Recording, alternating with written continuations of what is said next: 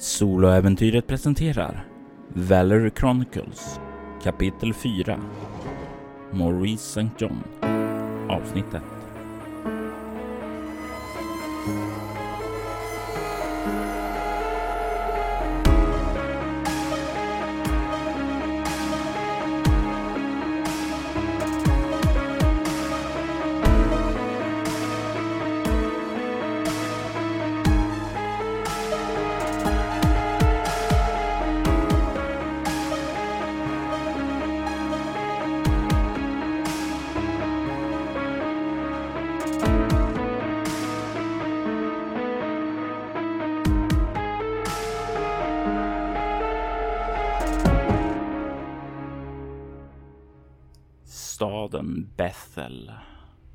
skådespel för så mycket drama på sistone.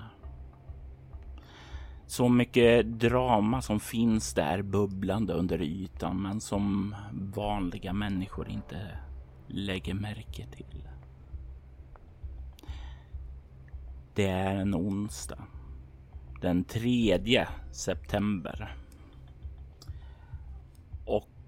det rullar in en bil ifrån Baltimore. Det har varit en eh, resa som har tagit nästan fem timmar. Det är en man som sitter där bakom ratten. En man som är här med ett särskilt syfte. Hur ser den här mannen ut som sitter bakom ratten, Björn? En ganska lång kar. Inte överdrivet. Se till att ha en välklädd kostym.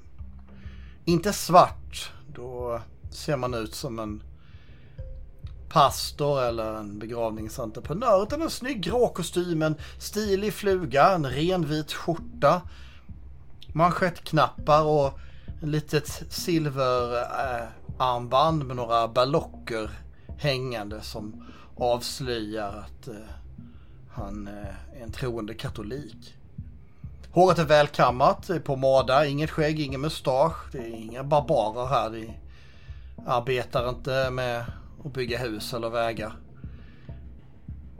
Maurice St. John är 35 år men ser nästan lite äldre ut. Han är lite, ah, han har lite grann ett, ett eh, utseende som kanske inte är det vackraste. Lite spetsig näsa, lite obefintlig haka och, och lite, eh, lite platta kinder. Men han har någonting i blicken. En glimt, ett leende som är lite sådär charmigt, nästan lite busigt. Och han är väldigt övertygande. Så eh, jag börjar bli lite hungrig faktiskt. Sitter här med min Buick Wildcat. En eh, bronsfärgad rejäl bil, senaste årsmodell. Välpolerad naturligtvis. Det duger inte att komma i, komma i undermåliga eh, fordon eller kläder när man ska göra herrens arbete. Dessutom så är det nog dags att tanka snart också. Det, är, det här är en eh, bil som dricker sitt bränsle, det är helt klart. Så eh, vi behöver kanske tanka båda två och Ja, först måste jag fråga runt lite. Det finns ju lite att göra här. För du är här i ett särskilt syfte. När anländer du fram till Bethel? Vilken tid på dygnet är det?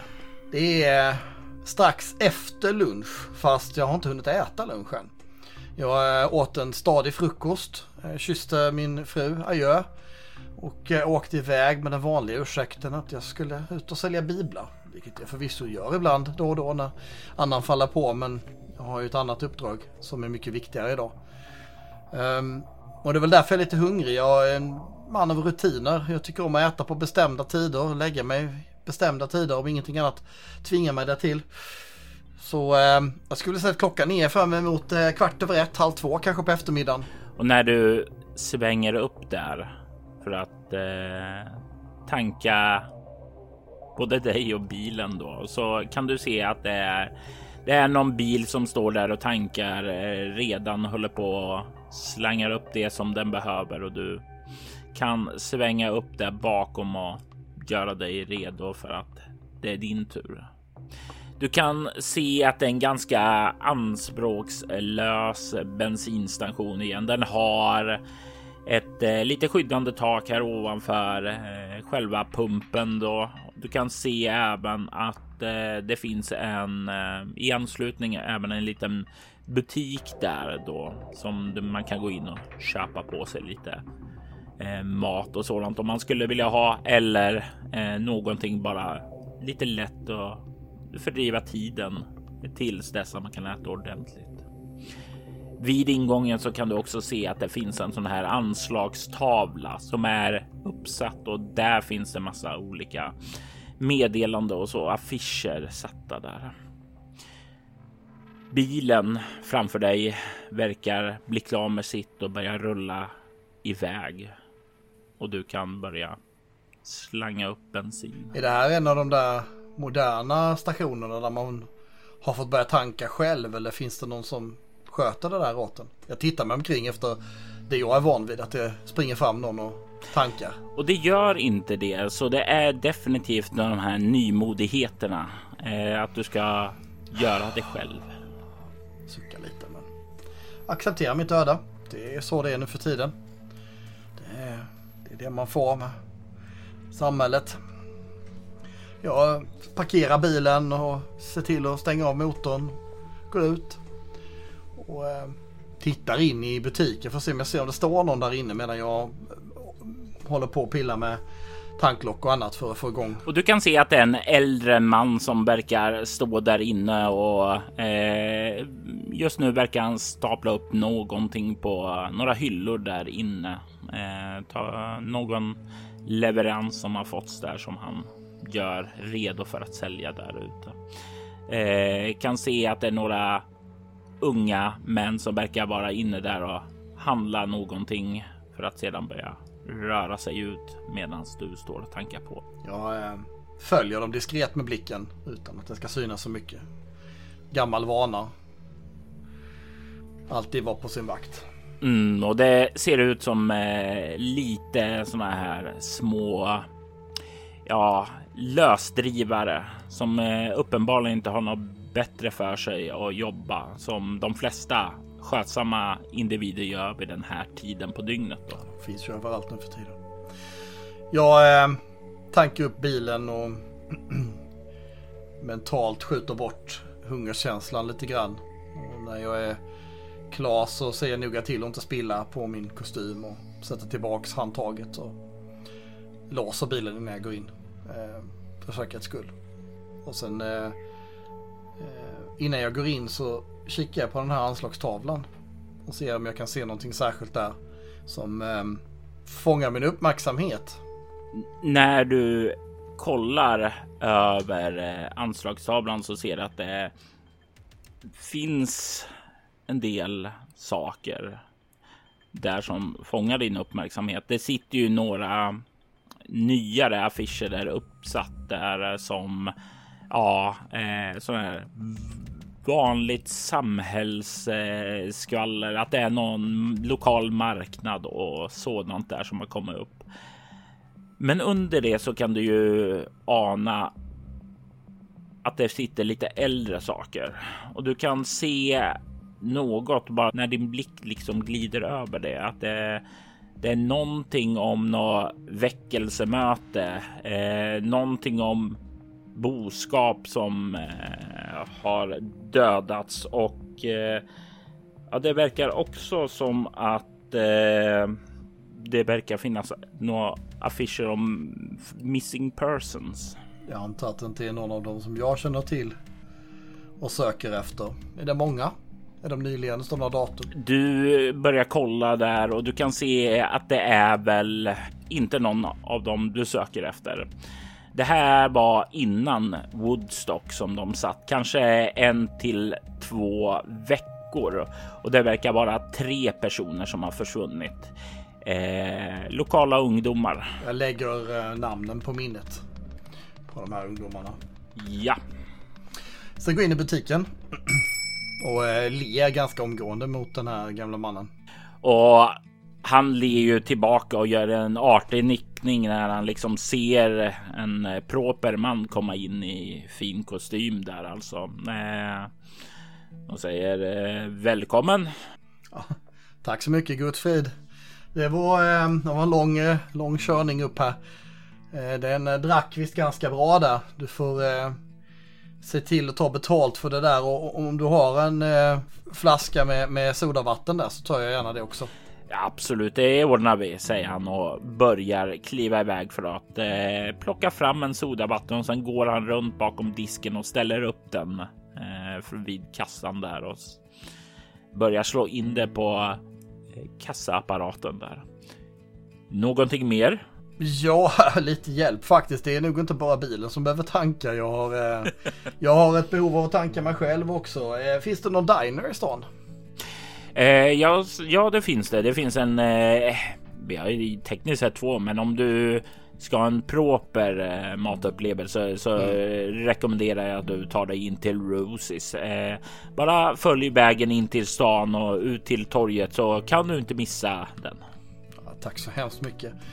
Eh, sen undrar jag, jag såg att eh, det försvunnit lite ungdomar här. Eh, det, det gör mig ärligt talat lite nervös. Jag, Ja, eh, min, min, ehm, min frus systerdotter hon ehm, eh, åkte upp på den här Woodstockfestivalen och ja, jag har inte gått att få tag i henne så att jag är, jag är lite bekymrad så jag lovade frugan jag skulle åka upp hit och, och, och titta när jag ändå är här i trakterna. Jag, jag säljer biblar annars. Uh, ja, eh, uh, vad hette er dotter? Ja, Eller min, systerdotter min frus, Ja, det är precis. Det är min frus uh, systerdotter. Uh, Valerie hette hon. Uh, ung, ung, vacker, ordentlig flicka. Jo, jo, hon var här på natten. Alltså, jag jobbar ju inte natten utan det är min eh, brorson Mike som gör det. Och han han sa att hon hade varit här när eh, sheriffen tittade förbi. Eh, det var vad jag förstår här eh, utifrån vad jag har hört att hennes bil återfanns kraschad. Oj. Utanför staden. Men hon hade varit här sa ni? Ja, hon hade varit här och tanka under, ja, eh, söndag natt tror jag det var. Eh, nej, eller jo, det var nog natten där. Eh, hon hade varit här och tanka och skulle bege sig hem vad jag förstod. Jag förstår. Mm. Var hon själv? Vet ni det? Eh, ja, hon var själv. Eh, vad jag förstod så var hon eh, själv när hon åkte, men hon hade väl haft sällskap med sig tidigare. Ja, jo, nej. Ett annat av mina biträden hade sett eh, hon och hennes vänner komma hit. Mm. Och det var ju söndag sa ni, bara några dagar sedan alltså? Eh, ungefär två veckor sedan. Ja, ja, det var eh, söndagen vid, vid Woodstock. Då. Ja, precis, precis. Eh, ursäkta om jag var otydlig. Ja, ja, nej, nej, nej, för all del. Ja, det, det låter ju inte bra. Bilen kraschad. Ja, det, det ska vi inte berätta för frugan direkt. Nej, vi behöver ju inte oroa kvinnfolket i onödan. Nej, det, det mår ingen bra av.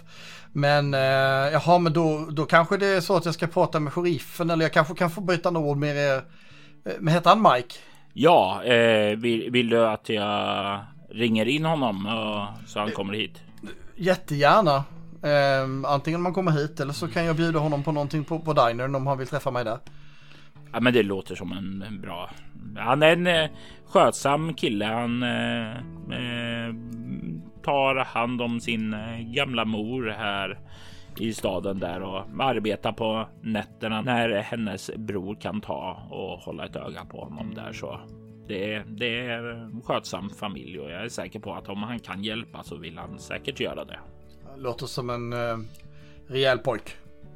Det är, fler, fler, det är den sorten vi behöver i det här landet. Han nickar instämmande och eh, ler. Absolut. Eh, någonting annat jag kan... Nej, då, då betalar jag gärna för det. Men du får jättegärna ringa honom och så stannar jag på Roses tills, tills han dyker upp där. Ni kan ju beskriva hur jag ser ut så, så hittar han ja. mig säkert.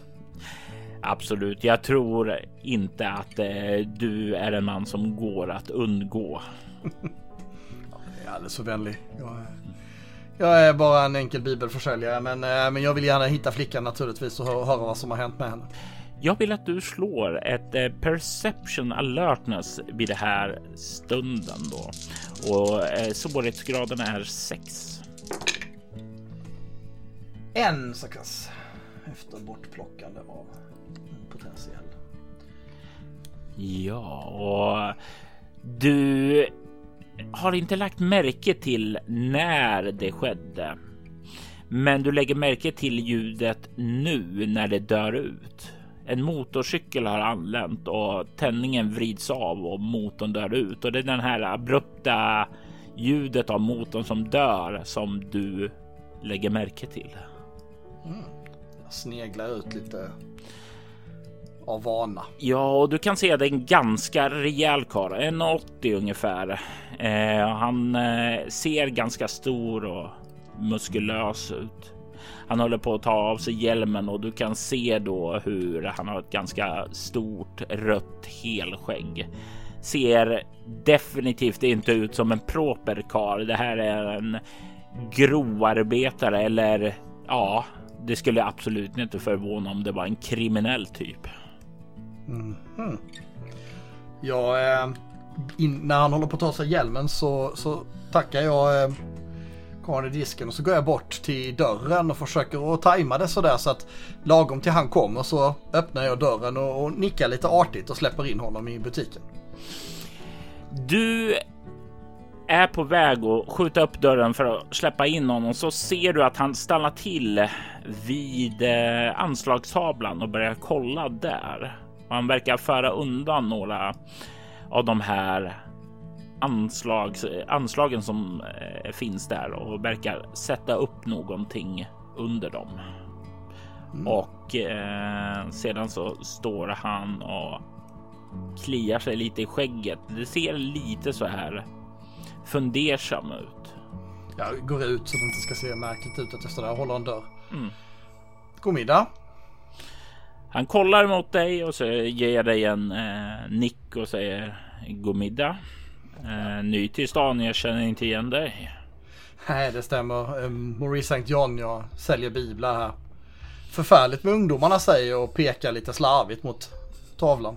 Ja, definitivt oroande vad som sker i vår annars ganska trevliga och trygga trakt. Men eh, ända sedan de där flyttade in på gården och döpte om den. Det, det, det är oroväckande.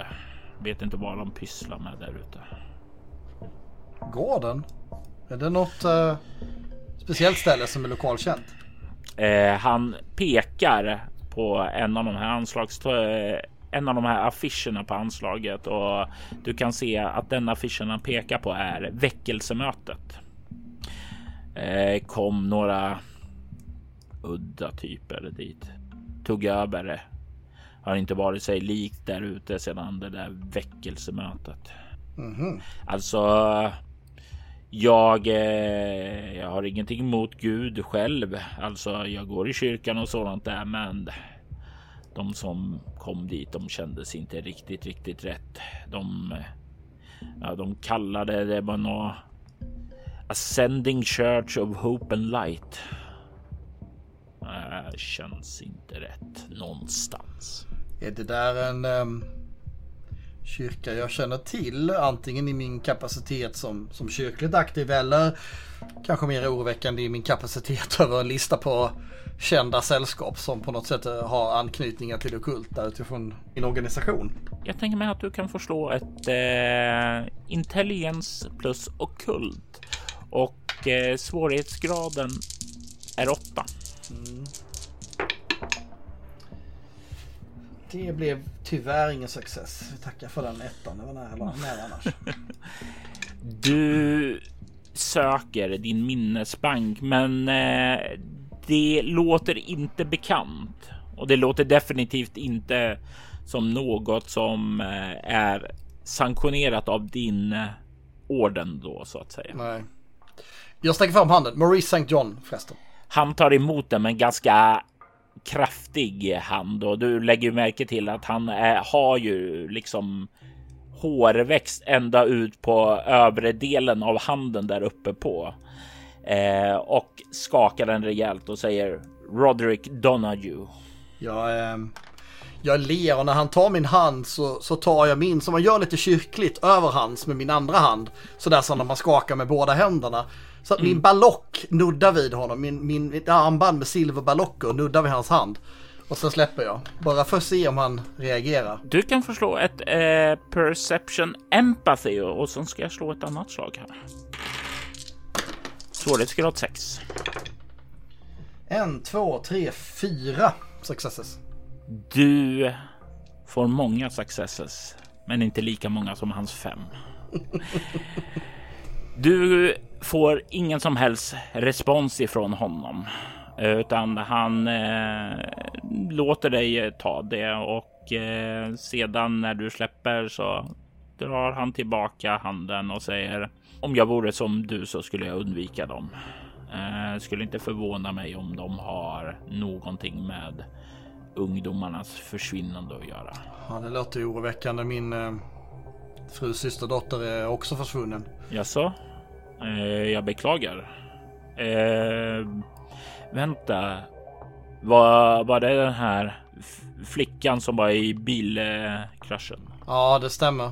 Vet du var kraschen var någonstans? Eh, ja, eh, den var eh, en bit bortanför eh, The Ascendant Farm. Ja, jag förstår. Oj då. Det kan inte finnas så mycket vägar där uppe. Du skulle... Eh, eh, jag får väl undvika farmen men jag tänker jag skulle gärna vilja... Ja, jag kan ta det med sheriffen först och, och se men, men jag vill nog åka upp där och titta ändå. Du känner att jag är skyldig frun det. Det känns inte bra. Eh, ja, det, det, är ganska lätt att hitta ut dit och han vänder sig om och pekar bort emot en utfartsväg som syns härifrån och du kan se hur den leder in lite i ett skogsområde. Om du följer den där vägen så kommer du att komma fram till det. Det finns en eh, större avfartsväg som leder upp till Woodrow Farm. Eh, proper familj och sådant där har varit här länge. Men om du fortsätter längre förbi den så kommer du att eh, på höger se en stor avfartsväg som leder upp till The Ascendant Farm då. Men om du fortsätter längs den där vägen så kommer du se var kraschen har varit. Det är eh, folk här i omgivningen som har varit och visat sin respekt och lagt eh, blomkransar och sådant där uppe. Men man vet inte vad som har hänt med henne? Uh, utifrån det som jag har hört då så återfanns inte kroppen där. Jag vet inte varför sheriffen inte har varit uppe och kollat på gården då, för det är väl. Skulle inte förvåna mig om hon är där nyfrälst av den. Det låter inte som Valerie, men visst, kan ju bli skadad också. Ja, jag är dig stort tack skyldig i alla fall, uh, Mr Donahue. Jag, uh, jag uppskattar det verkligen. Han nickar. Jag hoppas att ni finner henne. Absolut. Jag kastar en sista blick på anslagstavlan innan jag går, bara sådär precis i förbifarten för att se om jag kan se vad det står på hans lapp som han satt upp. Du kan se att det inte är en lapp.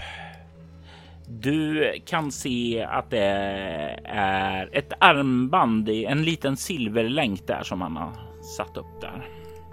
Typ så här tänkte upphittat eh, och liksom fäst där för att någon ska kunna hitta den. Och det är ingenting jag omedelbart känner igen? Nej, det ser ut som en ganska alldaglig eh, silversmycke. Då. Mm. Ah, ja, jag ber mig tillbaks till bilen. Eh, men jag passar på att notera registreringsplåtarna på hans motorcykel så jag ska känna igen den eh, om jag ser den någon annanstans. Och det är inga problem att lägga märke till. Han kliver in i butiken nämligen och verkar betala för bensinen och eh, köpa på sig någonting han också. Sitter inga vapen sådär synligt på hagelgevär eller något sånt där på motorcykeln i någon sådär ficka eller så?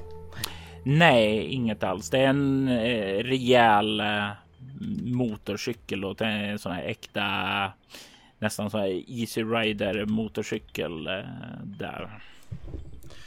Ja, ja, jag eh, beger mig av till dinern då. Jag dricker lite sodavatten. Stannar kvar någon halv minut bara. Men jag kör innan han har kommit ut igen. Mm. Och samlar tankarna. Och eh, du har som sagt var ingen problem att hitta fram till Roses då för det är inte en alltför stor stad. Alltså jämfört mot Baltimore så är det här ju ingenting. Eh, och det är inga större problem att hitta en parkering heller och komma ut och sträcka lite mer på sig innan du mm. vandrar bort emot dinern. Ja. Jag låser bilen som vanligt och eh, tittar mig omkring innan jag går in på dinern. Och eh, vad du ser är egentligen en ganska eh, pittoresk liten landsby. Det är inga som sticker ut, inga eh, inga direkta hot eller lösdrivare här, utan folk som sköter sitt vardagliga eh, kristna liv. Fint.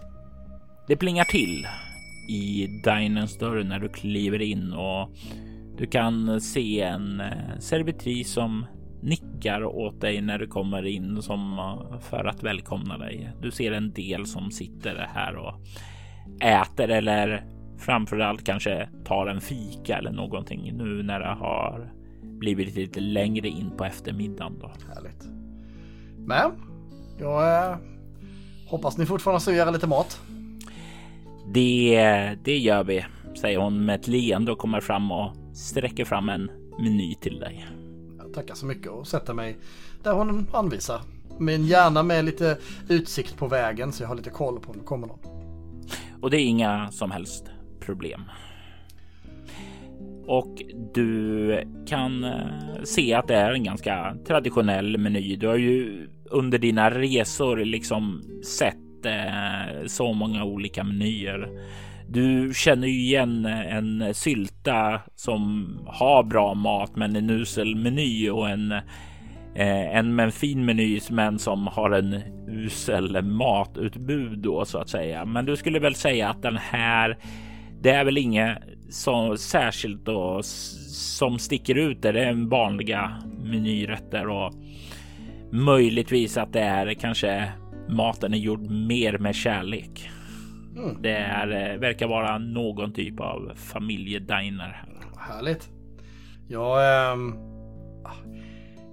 jag tar en, äh, en cheeseburgare med fries och en äh, chokladshake till det. Eh, hon skriver upp det i sitt lilla eh, häfte och säger ja, då ser jag till att fixa det och kommer ut alldeles strax. Jag tar fram an en anteckningsbok under fickan, en tunn liten sak och eh, en reservoarpenna och eh, börjar snabbt skriva ner eh, namnen, Roderick Doneho, registreringsnumret, mannen, Mike, eh, ritar lite streck i boken och går igenom alternativen. Jag ähm, känner att det här är båda inte gott. Och ähm, känner att äh, det här kan ha gått riktigt, riktigt illa. Och funderar på om jag ska, hur jag ska hantera det och om jag verkligen ska blanda in äh, sheriffen än eller om jag ska försöka ta en titt själv först. Bestämmer mig för att vänta till jag pratat med Mike. Och eh, sen väntar jag ivrigt på maten eftersom jag är ganska hungrig vid det här Och maten kommer in ganska snart och du kan eh, börja och stilla din hunger. Jag ber en bordsbön innan naturligtvis. Eh, utan att fuska. Böjer mitt huvud och tackar eh, Gud för att han har gett mig möjligheten att vara på den här platsen och att han ser till att jag har mat för dagen och hela och rena kläder och att jag får träffa människor som vill hjälpa mig på den här vägen. Jag tycker att eh, Herren alltid guidar mig men just idag har han visat att, att alla människor kan bidra på olika sätt till att försöka hitta Valerie. Jag hoppas att jag ska kunna göra Guds arbete här i Bethel. Är Valerie verkligen din systerdotter? Eller var det en lögn? Det var en, det var en lögn. Men jag är ju tyvärr ganska van att ljuga. Jag ljuger för min fru. Varje gång jag säger att jag ska ut och sälja biblar. Fast ibland får jag dåligt samvete och så försöker jag sälja en bibel eller två för att jag inte ska vara en riktig lögnare utan bara en, en sån som undanhåller delar av sanningen. Men just i det här fallet när jag gör sällskapets arbete så vet jag att ibland så måste man eh, vara försiktig med vad man säger för eh, Satans anhang och demonerna de finns överallt och de lyssnar och de hör och de ser och det är viktigt att ibland kanske inte avslöja allt för dem på en gång. Så sant. Du sitter nu vid bordet, har skjutit ifrån dig din tomma tallrik och tagit fram milkshaken där för att dra i dig den. Det är då som du kan se hur det längs vägen verkar komma en ung man som verkar ganska målmedvetet eh, komma gående mot eh, den här dinen. Du ser att han är eh, han är inte klädd i kostym och så som du, utan ganska alldagliga kläder för en ung vuxen runt 20-årsåldern. 20-25 kanske där. Eh, men eh, det är ändå relativt så här proper. Det är inte så här eh, slafsigt som en del har knäppt upp den översta eh, översta knappen i skjortan och liksom eh, inte är ordentligt klädd utan han verkar fortfarande hålla på det här som inte många ungdomar gör. En rejäl pojk. Helt klart. Jag eh, ser till att söka hans blick så fort han kommer in och förstår jag att han är här för att träffa mig. Och hans blick eh, fastnar ganska fort på din och han eh, rör sig sakta fram och säger Är det ni som pratade med min eh, farbror? Ja, det stämmer. Maurice, Maurice St. John. Jag reser mig upp, tar honom i hand. Ett fast handslag. Du kan se att han sträcker fram handen och säger Mike och sen så liksom biter han sig i, i tungan och Michael Weatherly. Men ni kan kalla mig Mike. Naturligtvis Mike. Vill ni ha någonting att dricka? Eh, ja, en kaffe duger gott för mig. Ja. Sträcker upp fingret till servitrisen. Två kaffe, tack. Hon nickar och du kan se hon börjar gå bort och hälla upp två kaffe. Jag ställer eh, den halvt druckna milkshaken vid sidan. Jag tänker att den ska jag ta med mig i, i Ja, om den inte är i glas förstås, det är den ju såklart. Ja, den får vänta lite. Nu ska vi dricka kaffe och arbeta här, tänkte jag, tänker jag. Och snart så ställer servitrisen ned kaffe och arbetet kan börja. Mike tar emot koppen, håller det och säger eh, vad jag fick höra så ville ni veta om den unga kvinnan. Ja, det stämmer. Hon är, hon är viktig för min familj och, och mm, ja, vi, vi är lite oroliga här, om jag ska vara helt ärlig. Hon åkte upp hit för Woodstock med, med några vänner. Men eh, jag har förstått att, att hon, om jag förstod det rätt, så var hon först och tankade med vänner och sen var det en bilkrasch och sen är hon försvunnen. Det, vad vet ni? Vad, ni har träffat henne hörde jag? Ja, jag träffade henne den här söndagen hon lämnade staden. Alltså, jag vet att hon kom hit eh, på fredagen. Eh, det var en av mina kollegor då som mm, tog emot dem där. De, eh, den här kvinnan då, Valerie, var tillsammans med några andra vänner där. Eh, var lite grann av en spektakel, men de betalade och handlade lite för att bege sig ut till den här festivalen då som var här. Eh, var väl ingen märkvärdig sådär. Eh, de åkte ut hit. När jag jobbade då under söndag kväll så eh, såg jag hennes bil svänga upp där och tanka och allt sånt där. Och sen så kom hon gående där. Hon eh, gick fram till anslagstavlan och jag vet inte vad det hände, men hon svimmade sedan. Oj. Trillade omkull. Och jag, jag gick ut för att kolla till henne och hon vaknade ju upp då och verkade lite förvirrad. Eh, men hon försäkrade mig om att hon var okej. Okay. Mm. Och jag, jag, jag gick ju in då för att bara hämta någonting åt henne och innan jag hann veta ordet av så hade hon sprungit tillbaka till sin bil och åkte härifrån. Jaha. Utan att betala. Ja, låt oss Låt oss hantera det strax då. Så det ska jag såklart göra rätt för, för henne. Men Verkar hon skadad? Såg du någonting? Ja, nej, inte fysiskt i alla fall. Men hon verkade mest... Jag, jag, jag, jag, sinnesförvirrad, vilse. Inte berusad eller så, för det har jag inte ni sett. Nej, nej, om... nej, nej, nej. Ja, ja, jag har sett många berusade här tyvärr. Eh, särskilt i samband med eh, festivalen där. Ja. Inte bara.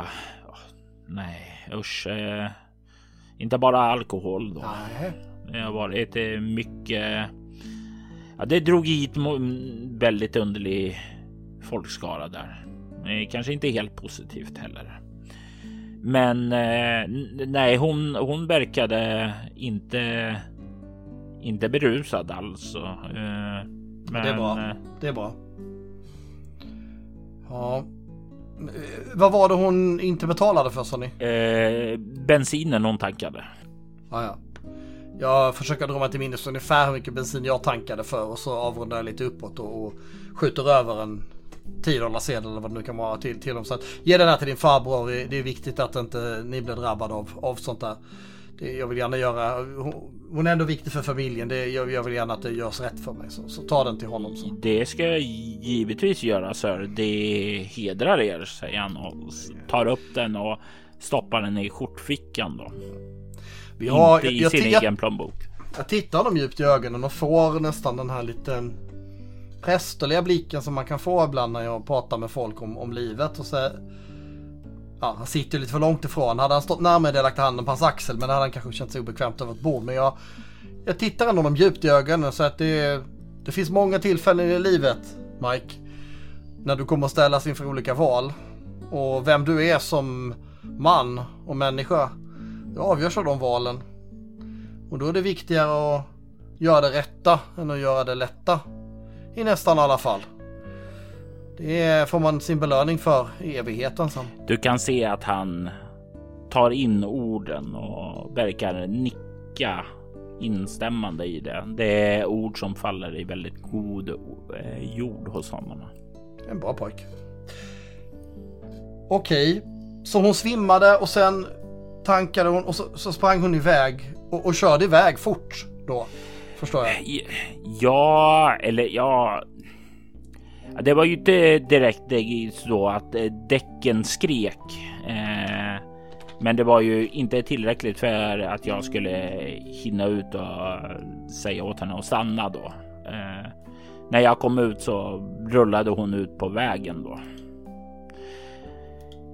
Jag, jag, jag, jag ber om ursäkt, men det, det kändes så nästan som om hon ja, fejkade för att eh, kunna smita undan där. Alltså, mm. det, det var vad jag trodde då där, men eh, efter att jag fick höra då om olyckan då där ute så började jag väl kanske tänka att ja, det kanske inte var så utan det var väl kanske någonting medicinskt fel med henne som Mm. Gjorde att hon förlorade kontroll över bilen. Ja, det är mycket oroväckande i alla fall. Jag förstår det om det är en vän till familjen. Jag beklagar så djupt över det, den oro som ni måste känna. Ja, jag kliar mig lite i hårfästet i pannan. Säg mig Mike, jag hörde när farbror pratade om och, och även den här stora karln, eh, Donahue, rödskäggig eh, karln, är, han någon slags uh, känd lokalperson? Ja, känd och känd. Han är... Han är en del av... Eh, ja, hur ska jag säga det här på ett snällt sätt? Observera honom mycket noga. Han kan väl sägas tillhöra den lokala milisen som finns här ute i vildmarken. Mm. Jag nickar. De håller sig för sig själv. Eh, gör inte mycket väsen av sig. Annat än när de kommer in till stan för att handla bensin och lite matvaror och sådant där. Beblandar sig inte med oss i övrigt där, men det är någonting, särskilt när de kommer i grupp, då är, känns det lite obehagligt där. Ja, jag förstår. Var, var håller de till någonstans? Har de en gård eller så? Det, de ska ha något tillhåll där ute, men jag vet inte var. Det tror jag inte är allmänt känt. Jag förstår. Mm. Ja, ja, men det finns däremot en annan gård har jag förstått som din farbror nämnde. Den här märkliga väckelsekyrkan, den här nya kyrk, kyrkliga rörelsen. Där borta där olyckan hände nästan.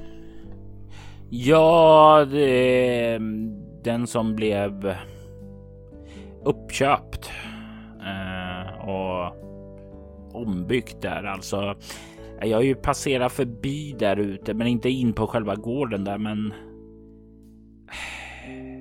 jag har ju inte sett så mycket där, men utifrån skvaller som går här i staden så sägs det att de har redan hunnit bygga upp en kyrka där i trakten. Mm. Alltså på gårdens område alltså? Eller i trakten omkring? Ja. Ja, det var märkligt. När köptes den? Vet ni det? Ja, det var väl. Ja, det måste ha varit för typ en månad sedan. Det var några veckor innan väckelsemötet var det i alla fall. Just det. Och det var innan Woodstock, eller hur? Ja, precis. En väckelsemöte var, tror jag, två veckor innan Woodstock, så i början av augusti.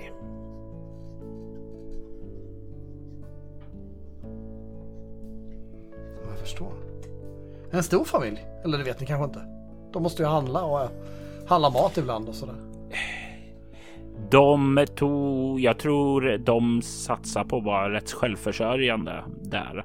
Gården som där var tidigare eh, hade en hel del. De hade grönsaksodling och de odlade även tobak där ute. Mm.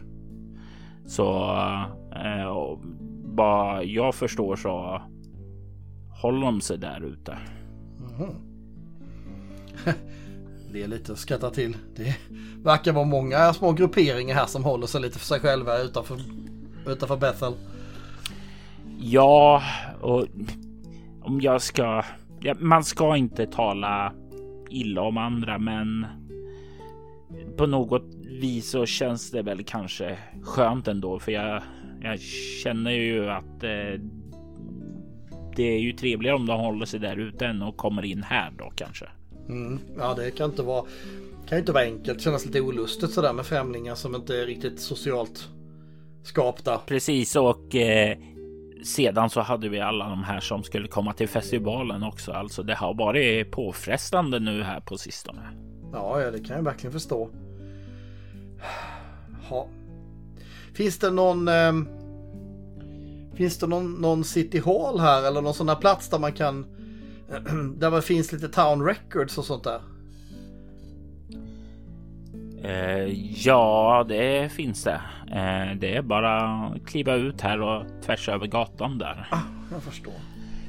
Eh, det har, men jag vet inte hur mycket du kommer få ut där. Alltså, det var viss eh, vandalism där i samband med Woodstock. Aha. Stackare. Det verkar inte alls ha varit bra med den här festivalen, men det kunde man ju räkna ut. Den här skräniga musiken som ska dunka dunka in i ungdomarnas eh, sinnen. Det är, det är bara fördärvligt det här. Ja, och sen så lägg till det faktum att det förekommer en hel del uh, droger och alkohol där också ute. Jävlas påfund där. Ja, Kära Mike, jag ska inte ta mer din dag. Jag, du har varit så, så hjälpsam. Kommer du på någonting mer så, så... Just det Mike, var kan man övernatta? Finns det något motell eller något pensionat eller något? Nej, men eh, om du vill så kan jag se till att eh, du kan få inkvartera dig i gäststugan. Jaha, ja, ja absolut. Hos farbror eller? Eh, hemma hos oss alltså. Vi har fortfarande. Vi har ett litet gäststuga där utanför. Ja, ja, med glädje. Det gör jag gärna. Han eh, nickar. Jag flyttar ut där innan sjukdomen kom till familjen då. Men sedan dess har jag flyttat in så det går att bo där utan problem där. Eh, ja, jag hörde din mor var sjuk. Beklagar. Ålderdomen, den är ju hemsk, men vi måste ju ta hand om våra eh, våra älskade, särskilt när far har gått bort då. Ja, ja du verkar vara en rejäl pojk. Mike, jag är säker på att det kommer att gå bra för dig i livet. Han ler lite och, samtidigt som han tar en servett och eh, plockar fram en penna. Ingen fin reservoarpenna utan en ganska alldaglig sådan där och verkar skriva ner en adress och säger eh, här bor vi. Det är bara att komma förbi.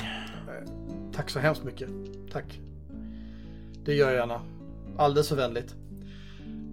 Jag eh, dricker upp den sista slurken av eh, som nu har blivit någon slags eh, chokladmjölk. Och eh, eh, tackar honom och ställer mig upp. Och eh, beger mig iväg tvärs över gatan faktiskt till City Hall.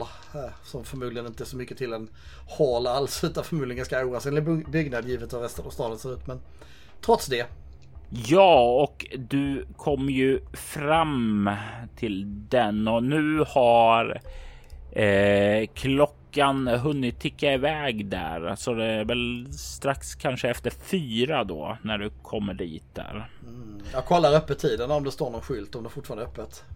Det är stängt. Den stänger vid tre. Det verkar definitivt inte som om den i den här lilla byn så är det verkar snarare som om det är begränsade öppettider. Jag tar upp min eh, lilla anteckningsbok. Jag skriver. Först skriver jag Town Hall. Skriver ner öppettiderna. 10 till 3. 10 till 3. Och så skriver jag ner ägarbevisgården? Frågetecken. Och eh, sen så passar jag på att bläddra tillbaks en sida och under Donahue så drar jag ett litet streck. Bor i skogen? Frågetecken. W? Frågetecken. Mm. Slår ihop boken igen. Sätter tillbaks den in i fickan tillsammans med SOA-pennan. Och eh, tar bilen och så kör jag ut medan klockan fortfarande är så pass. Det är ju sommar. Eh, så åker jag förbi farmen, den här vägen som Roderick Donahue anvisade för att komma till platsen för olyckan. Jag stannar inte vid gården eller så utan jag, jag kör mot längs den här vägen utan att vika av på avfartsvägarna för att komma till, till platsen för olyckan. Ska ju vara tydlig. Du passerar förbi den första avtagsvägen och fortsätter vidare förbi den. Och sen kommer du fram till den här andra som skulle leda upp till The Ascendant Church of Hope and Light. Eller The Ascendant Farm som Mr Donahue också kallade den som. När du passerar förbi den vägen upp så känner du nästan det är något obehagligt med det. Du får nackhåren där som verkar resa sig nästan. Jag äh, tittar först om jag ser någonting direkt när jag kör sakta ner, släpper på gasen och mm. tittar upp på avtalsvägen om jag ser någonting. Du kan se att den verkar slutta lite uppåt där och eh, kan se att det verkar eh, leda Ja, det är delvis skyddat av en skog där så du ser ju inte fram, men det verkar leda uppåt mot någon typ av grind där uppe. Men eh, du kan faktiskt se en del av tomten för på tomten så finns det en liten kulle som leder uppåt och uppe på kullen så kan du se en träkyrka. Och det och vid eh, träkyrkan så finns det också en sån här stort eh, vattentorn också som samlar upp eh, regnvatten och sådant där. Hur långt bedömer jag att det är bort dit? Någon kilometer kanske. Mm. Jag stannar bilen. Eh, precis mm. efter avfartsvägen, kör in till sidan. Du kan när du parkerar där också lägga märke till en sak som sticker ut. Den har inte ett kors där uppe som symbol, utan den verkar ha en stjärna av ett slag som du inte riktigt känner igen från någonting. Jag eh, öppnar bagageluckan och tar fram eh, mitt lilla eh, kit, min attachéväska. Tar fram en liten kikare. En liten fågelskådarfältkikare. Ställer mig bakom ett träd och så bara precis blickar upp mot toppen på kyrkan för att se stjärnan är beskaffad. Du kan ju se att det är en eh, stjärna eh, och det är som eh, tre streck under den, ungefär som det är signalerar banor som den rör sig vid. Ungefär som om det de tre strecken då symboliserar att stjärnan stiger. Och den stjärnan ser inte bekant ut av någon slag. Stjärna i sig inom den kristna tron har ju alltså många olika betydelser. Vi har ju eh, stjärnan i Betlehem till exempel Precis. som ledde de visa männen och vi har ju andra mindre eh, trevliga associationer. Liksom vi har ju Lucifer som kallades för morgonstjärnan då. Alltså, det finns ju inom den kristna mytologin då. Ja, jag skissar av den först och främst på mitt anteckningsblad eh, som jag har tagit ur attachéväskan med min grova skisspenna. Och eh, sen tar jag kikan med mig snabbt för att jag vill inte stå kvar här längre än nödvändigt och så hoppa in i bilen och kör bortåt till eh, olycksplatsen. Jag tänker mig att du kan slå ett eh, Wits plus alertness. Difficulty 7. En success. Du kommer tillbaka till eh, bilen. Mm. Och öppnar eh, dörren för att kliva in på förarsätet. Men det är någonting där som liksom gnuggar dig åt fel håll. Det är någonting som känns fel och liksom du stannar till och kollar. Och du lägger märke till att eh, ditt bakdäck på vänster sida verkar ha mycket mindre luft nu än det hade tidigare. Jag nickar på mig själv. Jag blundar en sekund. Jag kallar fram en inre kraft. Jag tänder den inre ljus, det inre ljuset som jag brukar säga. När jag vet att jag står inför någonting som är utöver det vanliga. När jag inte längre ser mig själv som Maurice St. John utan som bärare av Kristi flamma som kanal och kärl för någonting helt annat. Jag andas ett par djupa andetag och tittar upp igen. Fylld av mod och styrka som kommer av den kraft Gud har gett mig. Jag tittar mig omkring i skogen som omger. Om jag ser någonting, några spår. Jag slår ett slag här. Och eh, efter det slaget så kan jag säga att du kan inte se några tydliga fotspår eller sådant. Du kan inte höra några ljud direkt som sticker ut, i alla fall inte från omgivningen här. Mm. Du kan däremot höra en sak som kommer bortifrån gården. En eh, kyrkklocka som ringer. En gång Två gånger. Fyra gånger. Åtta gånger. Tretton gånger. Innan den tystnar. Jag suckar och jag nickar för mig själv. Jag börjar med att titta på bakdäcket. Och det är egentligen inget tydligt fel på dem. Det är inte som så att någon har skurit eh, ditt däck eller det är ingen som har skruvat av ventilen utan det är bara som om ja, det är nästan som om du har haft smygpunka Är det helt platt? Så det inte går att köra med?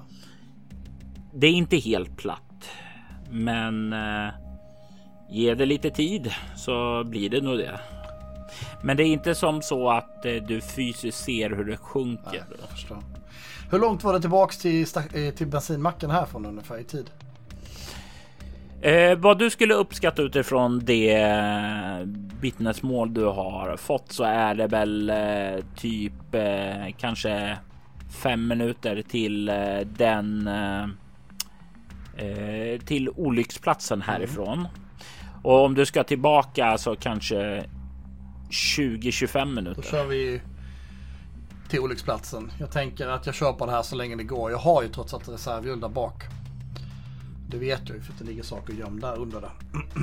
Och det är ju definitivt en fördel att ha saker gömda där som man kollar till då och då, för då riskerar man inte bli stående där ute mitt ute i vildmarken med ett reservhjul som eh, har sett sina bästa dagar. Du hoppar in i bilen igen, kör och du har inga som helst problem att eh,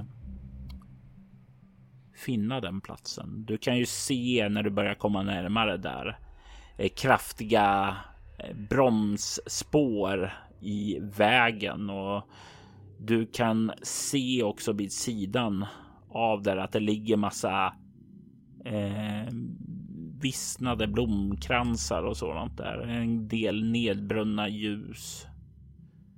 Kan eh, även ana en del Ja, det är som om man har försökt städa upp den här delen, men du kan även du kan från bilen här faktiskt se några enstaka så här. En bit av kaross som ligger kvar här vid vägrenen. Ja. Ehm, tittar på klockan. Klockan har nu kanske börjat krypa iväg en bit efter fem. Tittar upp i himlen. Ja, i mitt i sommaren. Det borde vara just bra ett tag till. Jag börjar undersöka platsen faktiskt. Eh, ganska så noga. Eh, även om jag vet att det här var ett tag sedan så vill jag ändå se om det finns någonting som kan antyda eh, eller ge mig någon form av ledtråd. Och jag, jag börjar nog med att snabbt titta på platsen där olyckan har hänt. Men sen tittar jag framför allt på om det finns några spår har bilen gått, jag föreställer mig att bilen har gått av på andra sidan vägen, inte den sidan där, där eh, Ascendant Church var, utan på andra sidan, men det kanske inte stämmer. Låt oss ta reda på allt det du kan finna med ett perception. In, med ett wits plus investigation difficulty 6. Två. Olyckan verkar ha skett när Valerie var på den högra körfältet på väg bort ifrån Bethel. Eh, du kan se eh, bromsspår. Och du kan se hur de abrupt tar slut. Det blir liksom inte eh, att eh, som vanliga olyckor att det blir eh, en avtoning i själva bromsspåren där, utan det är som om hon verkar ha kört in i en bergvägg för det tar så tvärtstopp där. Kan ju se en annan detalj som sticker ut. Du kan se en del av karossen både på den vänstra och högra sidan av vägen. Så det måste uppenbarligen ha skett någonting som nästan måste ha klyvt bilen då på något sätt eftersom det har farit åt båda hållen. Eller åtminstone någon kraftig impact där som fått saker att slungas åt båda hållen. Hög fart skriver jag i min anteckningsbok. En annan sak som du lägger märke till så som inte direkt verkar ha att göra med Valeries bil. Du kan se att det är eh, ett par andra bromsspår som verkar vara bakom Valeries bil. Som om varit kanske förföljd. Och den sista detaljen som du hittar är inte på vägen utan lite vid sidan av vägen nere i diket. Mm -hmm. Ammunition. Ammunition från gevär. Ammunition med avfyrade silverkulor. Och du som arbetar för The Society of Leopold vet ju exakt vad silverkulor betyder. Det här verkar vara mitt i en varulvstrakt.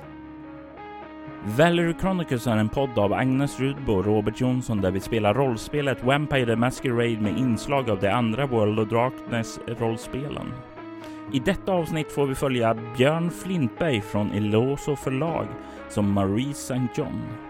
Avsnittet redigerades och producerades av Rob Johnson medan intromusiken gjordes av Agnes Rudbo.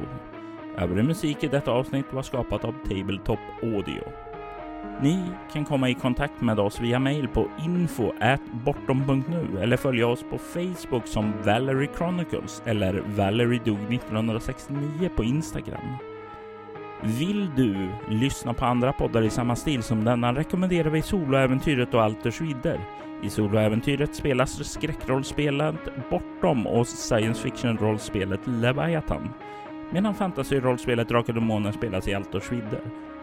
Vill du stödja Roberts fortsatta kreativa skapande kan du göra det på patreon.com snedstreck Robert Jonsson. Vi vill ta tillfället i akt att tacka, hylla och hedra våra Patreon-backare. Ty Nilsson Daniel Pettersson Daniel Lantz och Morgan Kullberg.